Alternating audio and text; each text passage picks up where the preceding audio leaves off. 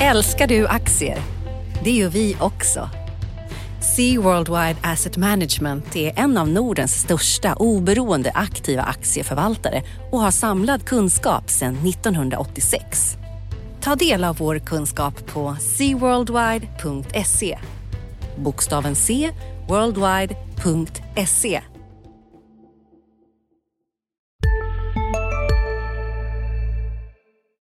Bankerna ligger i framkant med artificiell intelligens.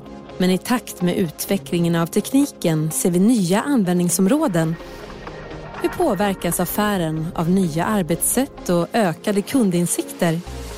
Ta del av hur Nordea, Handelsbanken, Swedbank och SEB bygger den datadrivna banken på Dagens Industris konferens AI Bank den 4 december. Anmäl dig idag på di.se konferens. Analyspodden från Dagens Industri. Välkommen till Analyspodden, Dagens Industris podd om börs och makro. Här idag är det jag, Agneta Jönsson, och min kollega Magnus Dagel som båda är analytiker på tidningen. Välkommen Magnus! Hej Agneta! Vad tycker du vi ska prata om idag? Oj, oj, oj, det finns mycket att prata om.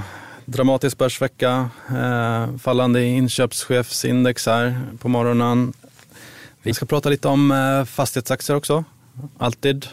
Alltid. Jag skrev lite om rates här häromveckan i Amerika. Vi har fått ett nytt fastighetsbolag på börsen. Vi ska prata lite om Boost tänkte jag. Eh, och eh, lite grann om handelsbolagen generellt tänkte jag också. Och, och lite om vårdbolagen också ja, som jag har skrivit. lite vad som händer nästa vecka. Du sa det här nu att vi fick inköpschefsindex här från Tyskland och eurozonen på morgonen. Det var inget bra va? Nej, tydligen. Vår makrokollega kom in och berättade att eh, det var det sämsta på, var det fem år?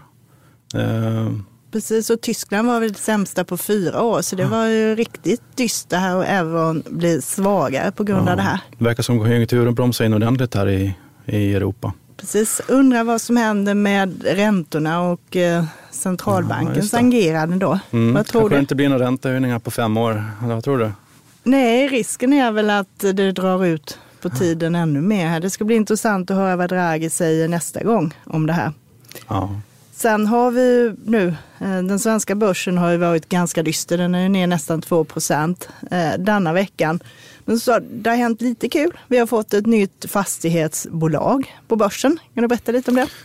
Ja, avknoppningen av eh, Hemfosa delas upp i två delar och det är Nyfosa som noteras idag, fredagen. Och det ska bli ett sånt, så kallat opportunistiskt bolag eller Jens Engvalls buslåda som man brukar säga. Eh, och kvar blir alltså Hemfosa då, som kommer fokusera på samhällsfastigheter. Och jag tror på den här uppdelningen. Jag satte köp på det här i veckans aktie för någon månad sedan. Jag tror det kommer skapa värde för aktieägarna på sikt. Det har det har det historiskt gjort när, när Jens Engvall har varit i farten. Den kommer ju igång och handlas nu på börsen och när vi gick in här så handlades den runt 45 kronor. Hur ser det ut med värderingen då? Uh, jo, jag såg snabbt där så de har väl en substansrabatt ungefär på 15 procent mot det långsiktiga substansvärdet. Då. Så det, det, är en, det är en rabatt och snittet för sektorn ligger nu på 10 procent eh, substansrabatt. Så det har kommit ner ordentligt där. Uh, men det ligger lite, lite över sektorn alltså. Men det är väl ganska naturligt, det är ett, det är ett nytt bolag, oprövat och så. Precis, sen lyssnade vi på honom i Börsmorgon här när han blev intervjuad när han ringde i klockan på börsen och då sa han också att det här kommer att bli ett sådär riktigt högutdelande bolag. Mm, på sikt ja. Först ska de ju dubbla fastighetsvärdet nästan och då är det rimligt att tro att substansvärdet också kommer att öka mm, de kommande åren tror jag. Men sen när de är klara med det kommer det förmodligen bli bra, bra utdelning. Det känns ju lite spännande nu, just det där att kunna vara snabbfotad och kunna gå in och göra förvärv när andra behöver dra sig ur och sånt. Det känns som en spännande strategi de mm. närmaste åren. Mm. Jag tror att han har rätt där att institutioner har ju dammsugit marknaden just på fastigheter i storstäderna, framförallt Stockholm. Då. Och det är nog ett mindre bestånd, det är lite mindre mellanstora orter, har blivit lite bortglömda och ger bra avkastning. Så det finns förmodligen en intressant nisch där att hitta. Och kvar blir då alltså Hemfosa som fokuserar på samhällsfastigheter. Det är redan nu ett högutdelande bolag om man hellre söker det. Då. Jag tror mm. på min utdelningsprognos ligger det nästan 5 direktavkastning där. Men det är bra. Ja. Så den försiktige kör Hemfosa och den jäve Nyfosa då? Ja, så kan man säga tycker jag. Ja. Sen eh, har du också tittat på det här med amerikanska bolag och skrev om det här som heter Rates ja, veckan. Eh, kan du berätta lite om vad det är och hur det funkar? Ja, man dyker ju på det ordet ibland eh, som, som är aktieintresserade, rates. Eh, det, det är en slags fastighetsfond. Eller I Amerika så, så är framförallt fastighetsägande på börsen då, i så kallade rates. Eh, det är en slags skattegynnad form då, som amerikanerna verkar kasta sig över. Det är över 80 miljoner amerikaner som sparar faktiskt i, i rates. Så det, det, det, är väldigt stort i Amerika, inte så stort i, här då, utan här har vi vanliga aktiebolag. Uh, och, uh, men det finns både fördelar och nackdelar med de här ratesen. Fördelen är att de är väldigt utdelningsfokuserade. och i sin skattekonstruktion då, så måste de dela ut 90 procent av sin, sin vinst. Då. Så det gör lite konstigt att man behåller väldigt lite pengar i bolagen men delar också väldigt ut väldigt mycket och, och vi har delat ut väldigt stabilt över tiden. Och vad jag förstår är det väldigt populärt bland amerikanska ja. investerare. Ja, det är det verkligen. Och det verkar öka också och det kommer rates nu i andra länder också i Europa. Och det har till och med funnits funderingar på i Sverige. Men jag tycker den här konstruktionen vi har med aktiebolag funkar väldigt bra. Så att bolagen kan bestämma själva hur mycket de pengar vill ha i, kvar i bolagen och hur mycket man vill dela ut. Det har, och eh, aktiekurserna, eller totalavkastningen för svenska fastighetsbolag har varit avsevärt bättre än rates. Är det någon av de raten som du tittade på som du tycker är intressant att investera i? Just det, jag tog ju upp en där som heter Reality Income eh, som är lite känd i Sverige faktiskt. Det är för att de har månadsutdelning då. Det är en del som gillar det. Istället för månadslön så får man månadsutdelning. Eh, men det är, de har faktiskt höjt utdelning under många, många, många år. Eh, väldigt stabil utdelning för de som gillar ett sånt flöde med utdelningar. Sen har vi nackdel också tycker jag, det är att de, de gör löpande nyemissioner för att ta in aktier då, för att göra förvärv och sen delar de ut dem med andra handen. Så det blir lite, man tar in äpplen och delar ut päron. Så det är lite konstig strategi också tycker jag. Och hur ser det ut med annars då på svenska sidan på fastighetsbranschen här? Ja, nej, men det var ju starka eller delårsrapporter då, eh, för tredje kvartalet eh, generellt. Substansvärdena fortsätter öka, förvaltningsresultaten fortsätter öka. Kurserna har gått ner. Jag tyckte det såg dyrt ut efter sommaren där i augusti. Där. Nu tycker jag det börjar se billigt ut igen. Uh, substansrabatten i snitt då, som sagt runt 10 procent. Så det, det börjar se hyggligt billigt ut igen tycker jag. Och Precis. snart väntas utdelningsbesked igen. Då. Så... Finns det någon tumregel där? Liksom, hur stor ska rabatten vara? Eller ska man sälja när de handlas i linje med substansen? Eller? Ja, eller i varje fall lite över i snitt. Det brukar vara en bra, då brukar det stå inför en, en korrektion tycker jag, eh, när det har varit så. Och det, det kommer ju den här gången också under hösten. Här. Men eh, överlag tycker jag det ser rätt bra ut för, inför nästa år. Mm. Vi får väl återkomma i frågan där. Ja. Eh, jag tittade på det här med eh, vårdbolagen för ett halvår sedan. Mm. Precis, och eh, tyckte då att det var intressant att chansa på Capio och Ambea och Humana och tyckte vi skulle avvakta lite med Attendo i det läget. Sen det... kom ju det här budet med på Capio som blev bingo, så det var ju ja. lite roligt faktiskt. Ja.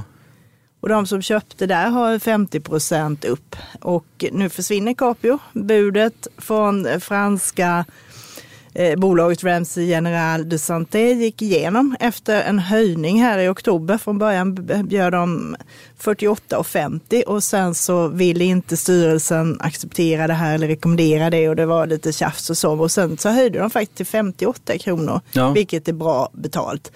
Så att eh, nu gick budet igenom och eh, aktien försvinner från börsen den 28 november. Så har man kvar dem så är det väl lika bra att sälja och placera om pengarna mm. i någonting annat här. Tror du inte att eh, de här pengarna kommer flöda vidare till de andra vårdbolagen då eller? Jo, jag tror att det finns utsikter att eh, de gör det faktiskt. Och det ser rätt bra ut. Vi mm. har ju, om vi tittar på Ambea, eh, som då la bud på Aleris omsorgsverksamhet för en månad sedan så i princip så dubblar ju de sin omsättning. De hade strax under 6 miljarder innan, nu kommer de upp en bit över 10. Och eh, där ser de ju själva stora synergier. Aleris har lite sämre lönsamhet än vad Ambea har. Så att eh, man kommer att kunna jacka upp det här. Sen mm. vet vi ju att det tar ju tid att slå ihop bolag. Men mm. eh, på sikt så tror jag att det här kommer att bli bra. Mm. Och Ambea har ju gått upp 37 procent senaste halvåret. Så det har ju varit en riktigt bra resa i sig själv. Eh, och även om det har gått upp så har man sett lite uppjusteringar. Så det handlas, precis som då, handlas de ungefär till 14 gånger nästa års vinstprognos. Mm. Vilket känns helt okej, okay, för det är ju ändå liksom stabil ocyklisk verksamhet. Liksom. Just det, men det är, det är rätt viktigt att inte blanda ihop dem med, med skolbolagen, eller hur? För det, det, tycker jag, de har en annan strategi och det finns ett mycket större politiskt motstånd där mot, mot utdelningar och så. Precis, för nu känns det som skolbolagen liksom får du lägga åt sidan. Eh, ja. Däremot så känns det som politiska risken på riksnivå har minskat betydligt nu i och med mm. att man röstade ner den här propositionen Just i somras. Och sen är det ju mycket av det här inom omsorgen, äldrevården och annat som sköts av kommuner och landsting. Så där är det mer det politiska styret där. Och de, eh, de här bolagen delar ut då till aktieägarna? Eller? Ja, fast inte så mycket för att de behöver investera en hel del eh, faktiskt. Så att, eh, Varför är det så? De, de kan ju inte behöva de hyr väl sina lokaler, de har ju inga maskinparker och liknande att investera i, eller? Det blir ändå, tittar vi på, inom äldrevården så funkar det så att antingen så kan man bedriva verksamheten på entreprenad, det vill säga att man är i kommunens lokal och har kommunens personal och sådär. Och så får man en peng för det.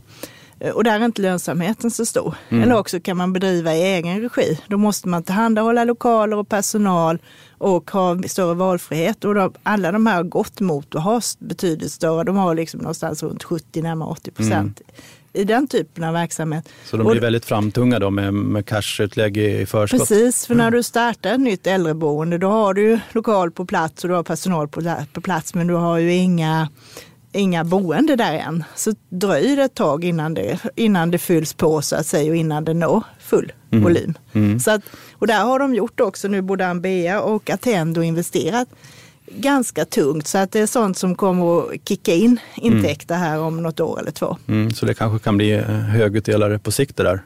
Ja, men jag tror att ett bra tag framöver så kommer man nog prioritera tillväxt för du har liksom mm megatrender. Vi blir mm. allt äldre och i och med att vi blir äldre så kommer vi att kräva liksom mer vård och vi kommer att kräva att ha någonstans att bo. Och mm. de här grejerna hänger ju ofta ihop ja, då. Ja. Och sen så har du ju också, tittar vi i Sverige så har du 80 procent utav all äldrevård till exempel bedrivs fortfarande i kommunal regi. Och i Finland har du 40 procent mm. eh, i privat och 60 i kommunal. Så där finns ju också liksom en mm. tillväxt att, mm. det tar, att jobba sig upp i. Mm. Och det är likadant i Danmark och Norge. Så att, eh, och där är de också. Så att det finns möjligheter att växa om man sköter det här bra. Intressant. För eh, det känns som skolkoncernerna är ändå svår, liksom svårvärderade tycker jag, i och med att det inte kommer bli utdelningar på på länge i och med det politiska trycket känns det som. Och då är frågan hur, hur värderar man företag som inte kommer dela ut? tycker jag är en, en, en, en svår fråga. Jo, men det håller Sista dagarna nu på vårens stora season sale. Passa på att göra sommarfint hemma, både inne och ute. Och fynda till fantastiska priser. Måndagen den 6 maj avslutar vi med Kvällsöppet i 21. Välkommen till Mio. CSRD, ännu en förkortning som väcker känslor hos företagare. Men lugn, våra rådgivare här på PWC har koll på det som din verksamhet berörs av. Från hållbarhetslösningar och nya regelverk till affärsutveckling och ansvarsfulla AI-strategier. Välkommen till PWC. Med dem och sen är det svårt också att se hur, hur de kan växa. Det är klart att de kan lånefinansiera förvärv, men annars är det svårt liksom att växa i den befintliga verksamheten. Mm. Mm. Så att, eh, nej, så att eh, i den här typen så tycker jag att de här bolagen känns intressanta. Du har många mm. grejer som talar för mm. det mm. och mm. som sagt var rimliga värderingar. De har gått bättre än index nu senaste halvåret och jag tror utsikterna finns att man kan fortsätta göra bra mm. ifrån sig även om vi får lite tuffare tider. Mm. Ja, intressant. Så de tycker jag vi kör. Några däremot som har det lite motigare just nu är ju e-handeln, särskilt Boost då som kom med en dålig rapport här häromdagen. Visserligen ökade omsättningen mm. 37 procent men bruttomarginal och rörelseresultat var ju inte mycket att hänga i julgranen kan man säga. Du Nej. hade till och med minus 29 miljoner i rörelseresultat. Förra året var det 12, tredje kvartalet. Ja, jag tror att det är sanningsminut där för e-handelsbolagen och värderingarna för e-handelsbolagen. Och jag ser samma tendenser som med teknikbolagen i USA. Jag skrev om, om det förra veckan, just att när bolagen visar vinst där, då blir det då kommer det till en annan nivå. Det blir, man kan, liksom marknaden slutar drömma på något sätt. För man ser hur svårt det är att, att nå de här vinsterna. Man ser att eh, Amazon till exempel tiofaldigade sin vinst i tredje kvartalet och aktierna har rasat där. Så nu man äntligen bevisat att man kan tjäna pengar, då faller aktien. Och jag tror att det är lite samma med e-handelsbolagen här. Här har man kunnat drömma om värderingen, men nu när man ser uh, att det börjar komma till en annan fas, här, då ser man hur pass svårt det är att nå de här lönsamheterna. Och, och, och nu justerar ju till och med Boost ner uh, marginalen här. Precis. Sen eh, otippat så hade de ju de stora problemen de hade, hade de i en fysisk butik mm. eh, i Köpenhamn. Och där man då sitter på med alldeles för stora lager. Överlag mm. har man stora lager och det blixtrade förbi den här rapporten, eller när, när vd blir intervjuad utav Nyhetsbyrån Direkt, att de har samma problem med lager som andra i branschen, vilket då är en mm. indikation på att just det där med lagernivåer kanske inte är att leka med just nu. Nej, men övriga branschen har betydligt högre marginaler att ta av. När man, när man har så pass låg bruttomarginal och rörelsemarginal som de här e-handlarna har, då blir det ju minsta störningar så, så blir det förlust direkt i, i verksamheten. Sen såg vi ju efter det här en del ganska brutala riktkurssänkningar. Carnegie sänkte ju från 80 till 55 kronor och Danske från 89 till 71. Bolaget såldes ut på 62 kronor i maj och nu är de i 51. Det är ja. ju ganska häftig kursomläggning här från analytikernas sida. Ja, får tänka på att det, det här är ju bankerna som hade hand om introduktionen också. Så okej, okay, så att de kanske var lite åt det optimistiska hållet innan Ja, då. det finns en, eh, i misstankens riktning skulle jag säga. Men uh, jag tycker fortfarande att, uh, att värderingen är hög på det här. Precis. Det, det börsvärdet är ju 3 miljarder drygt ja. uh, och det var ju uppe faktiskt i 6 miljarder som mest. väldigt högt kan jag tycka med, med tanke på vad, vad det är för typ av bolag. Nej, det är ju inte lätt. Som inte äger sina varumärken till exempel. Nej. Och det är klart, det är nog tuffare. Vi har ju även sett det i den fysiska världen MQ är ju lite samma karaktär som Boost fast man kör samma koncept i fysiska butiker med en mängd olika varumärken eh, och sådant. Så att helt lätt är det väl inte där heller. Nej, det är tufft överallt i retail känns det som. Men en lite oväntad comeback inom retail-sidan det är ju hm aktien Mm. Eh, tittar vi sedan mitten av september så har H&M gått upp 17 procent när OMX breda index har gått ner 10. Det hade man väl inte väntat sig. Det har fått lite stödköp av en viss eh, person här. Vem Eller? kan det vara? Ja. Han heter inte Persson i efternamn kanske? Jo, han gör nog det. Och han har köpt 19 miljoner aktier här nu så han har kommit upp i 769 miljoner aktier. Det är en imponerande summa. Ja, man undrar lite grann hur mycket pengar han har kvar att köpa för. Precis. Mycket är väl låst också i fastigheter kan jag tänka mig. Jo, det är klart. Eh, då kanske han får dra ner på sina andra investeringar här nu. Mm. Men det är ju verkligen att en given företrädare för pilotskolan. Mm. Det här. Verkligen. Och nu äger, föredömligt. Föredömligt. Och nu är han uppe i 74 procent av rösterna också med mm. familj och bolag och sådär. Mm.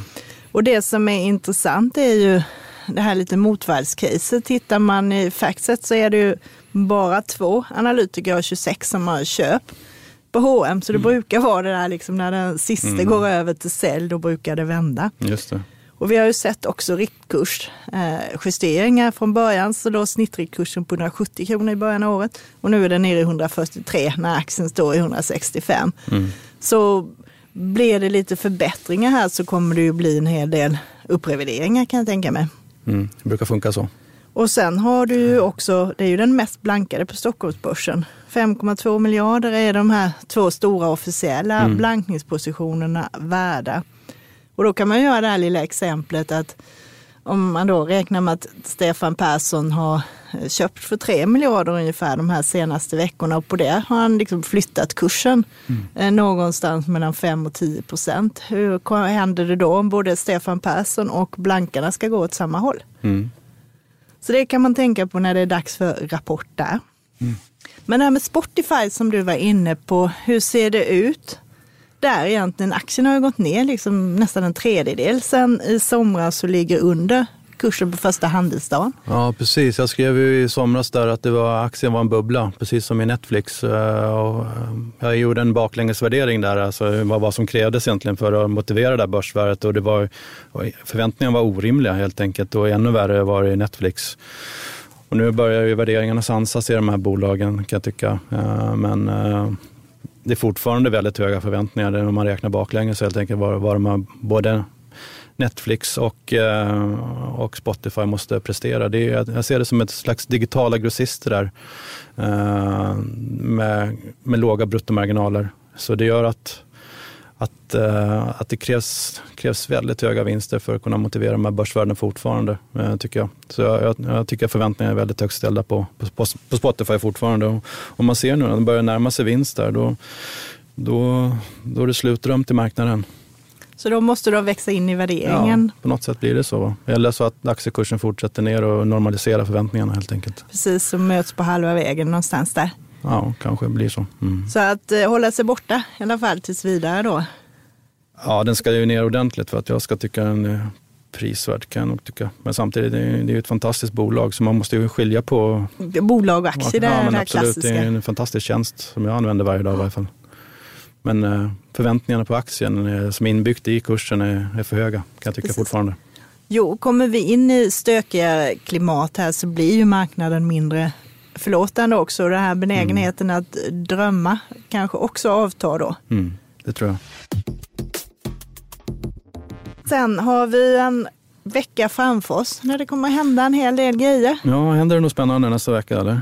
Ja, eh, på måndag redan så kommer det här tyska IFO-index. Eh, det är då där de frågar en massa institutioner om hur de ser på framtiden och hur de bedömer situationen. Det ligger väl i farans riktning att det blir svagt om man ser på dagens siffror. Precis, det gör det. För tittar man på det där så eh, räknar man med att det här nuvarande index över nuvarande sentiment ska hamna på 105,9 men det här framåtblickande ska ligga på 99,8. Så att eh, man väntar sig att sämre utsikter där också. Och sen på tisdag får vi Consumer Confidence i USA och då får man se lite hur de amerikanska konsumenterna har reagerat på den här börsturbulensen för detta avser november månad Ja, det blir också. intressant. Vad jag, det... vad jag ser från mina kompisar mm. där i USA det, det är att räntorna börjar verkligen eh, göra sig påminda där. Att det, det generellt börjar bli tufft på, på, just för att räntorna är så pass höga. Både på eh, konsumentkrediter, eh, studielån och om man ser på bostadslån också. Och där finns ju inga avdragsmöjligheter som i Sverige utan där är det bara att betala fulla räntan. Precis och det är ju intressant ja. för då har du både räntorna emot dig och du har haft börsen emot dig vilket också borde kunna göra att folk blir lite mer mm. pessimistiska. Mm. Så där räknar man Eh, I förhandstipsen förra år, i oktober så var Consumer Confidence 137,9. Nu räknar man en sänkning till 136, men det kan ju mm. vara lite mer också. Det är en sån där siffra faktiskt som några gånger har sänkt börsen mm. när vi är i de här klimaten när det står och väger. Så den gäller ju att hålla ögonen på. Och sen på onsdag så är det sista handelsdag för Capio då. Missa inte det ni som har sådana. Och sen får vi då konjunkturbarometern eh, från Konjunkturinstitutet på svenska sidan. Så lite temperaturmätare hur det ser ut här. Mm. Mer då? Sen på torsdag så kommer en rapport igen. Elekta kommer med sitt andra kvartal. Och det här är ju spännande. Mm, en av årets börsvinnare. Eller hur? Den är upp 50 procent i år, men den har tappat ganska mycket nu sedan slutet av september. Är den ner från 130 kronor till 100 lappen ungefär.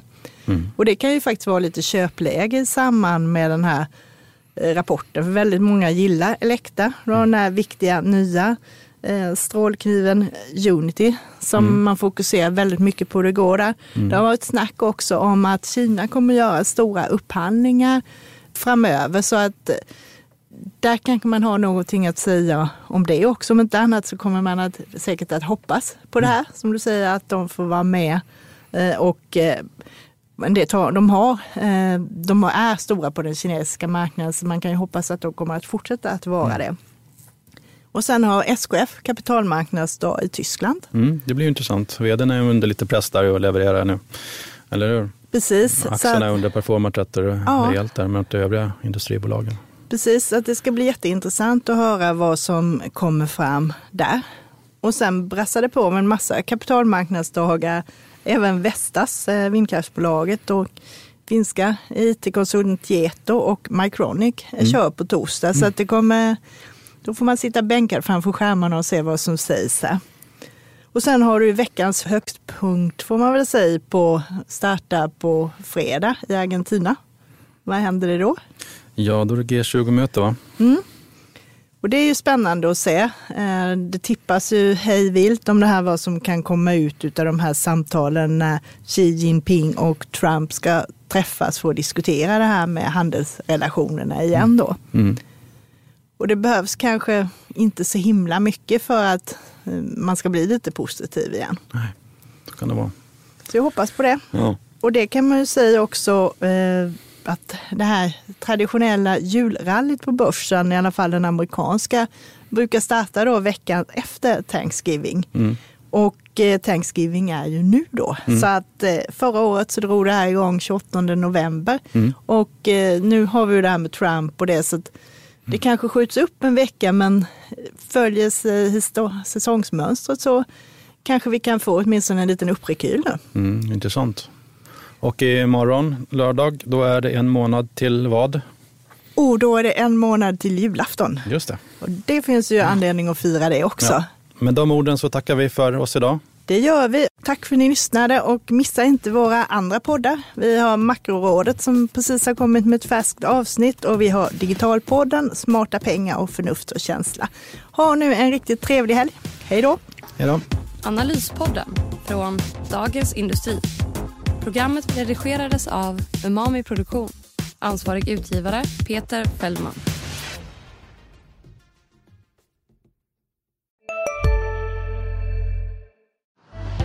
Älskar du aktier? Det gör vi också. Sea Worldwide Asset Management är en av Nordens största oberoende aktiva aktieförvaltare och har samlad kunskap sedan 1986. Ta del av vår kunskap på seaworldwide.se. Bokstaven C, worldwide.se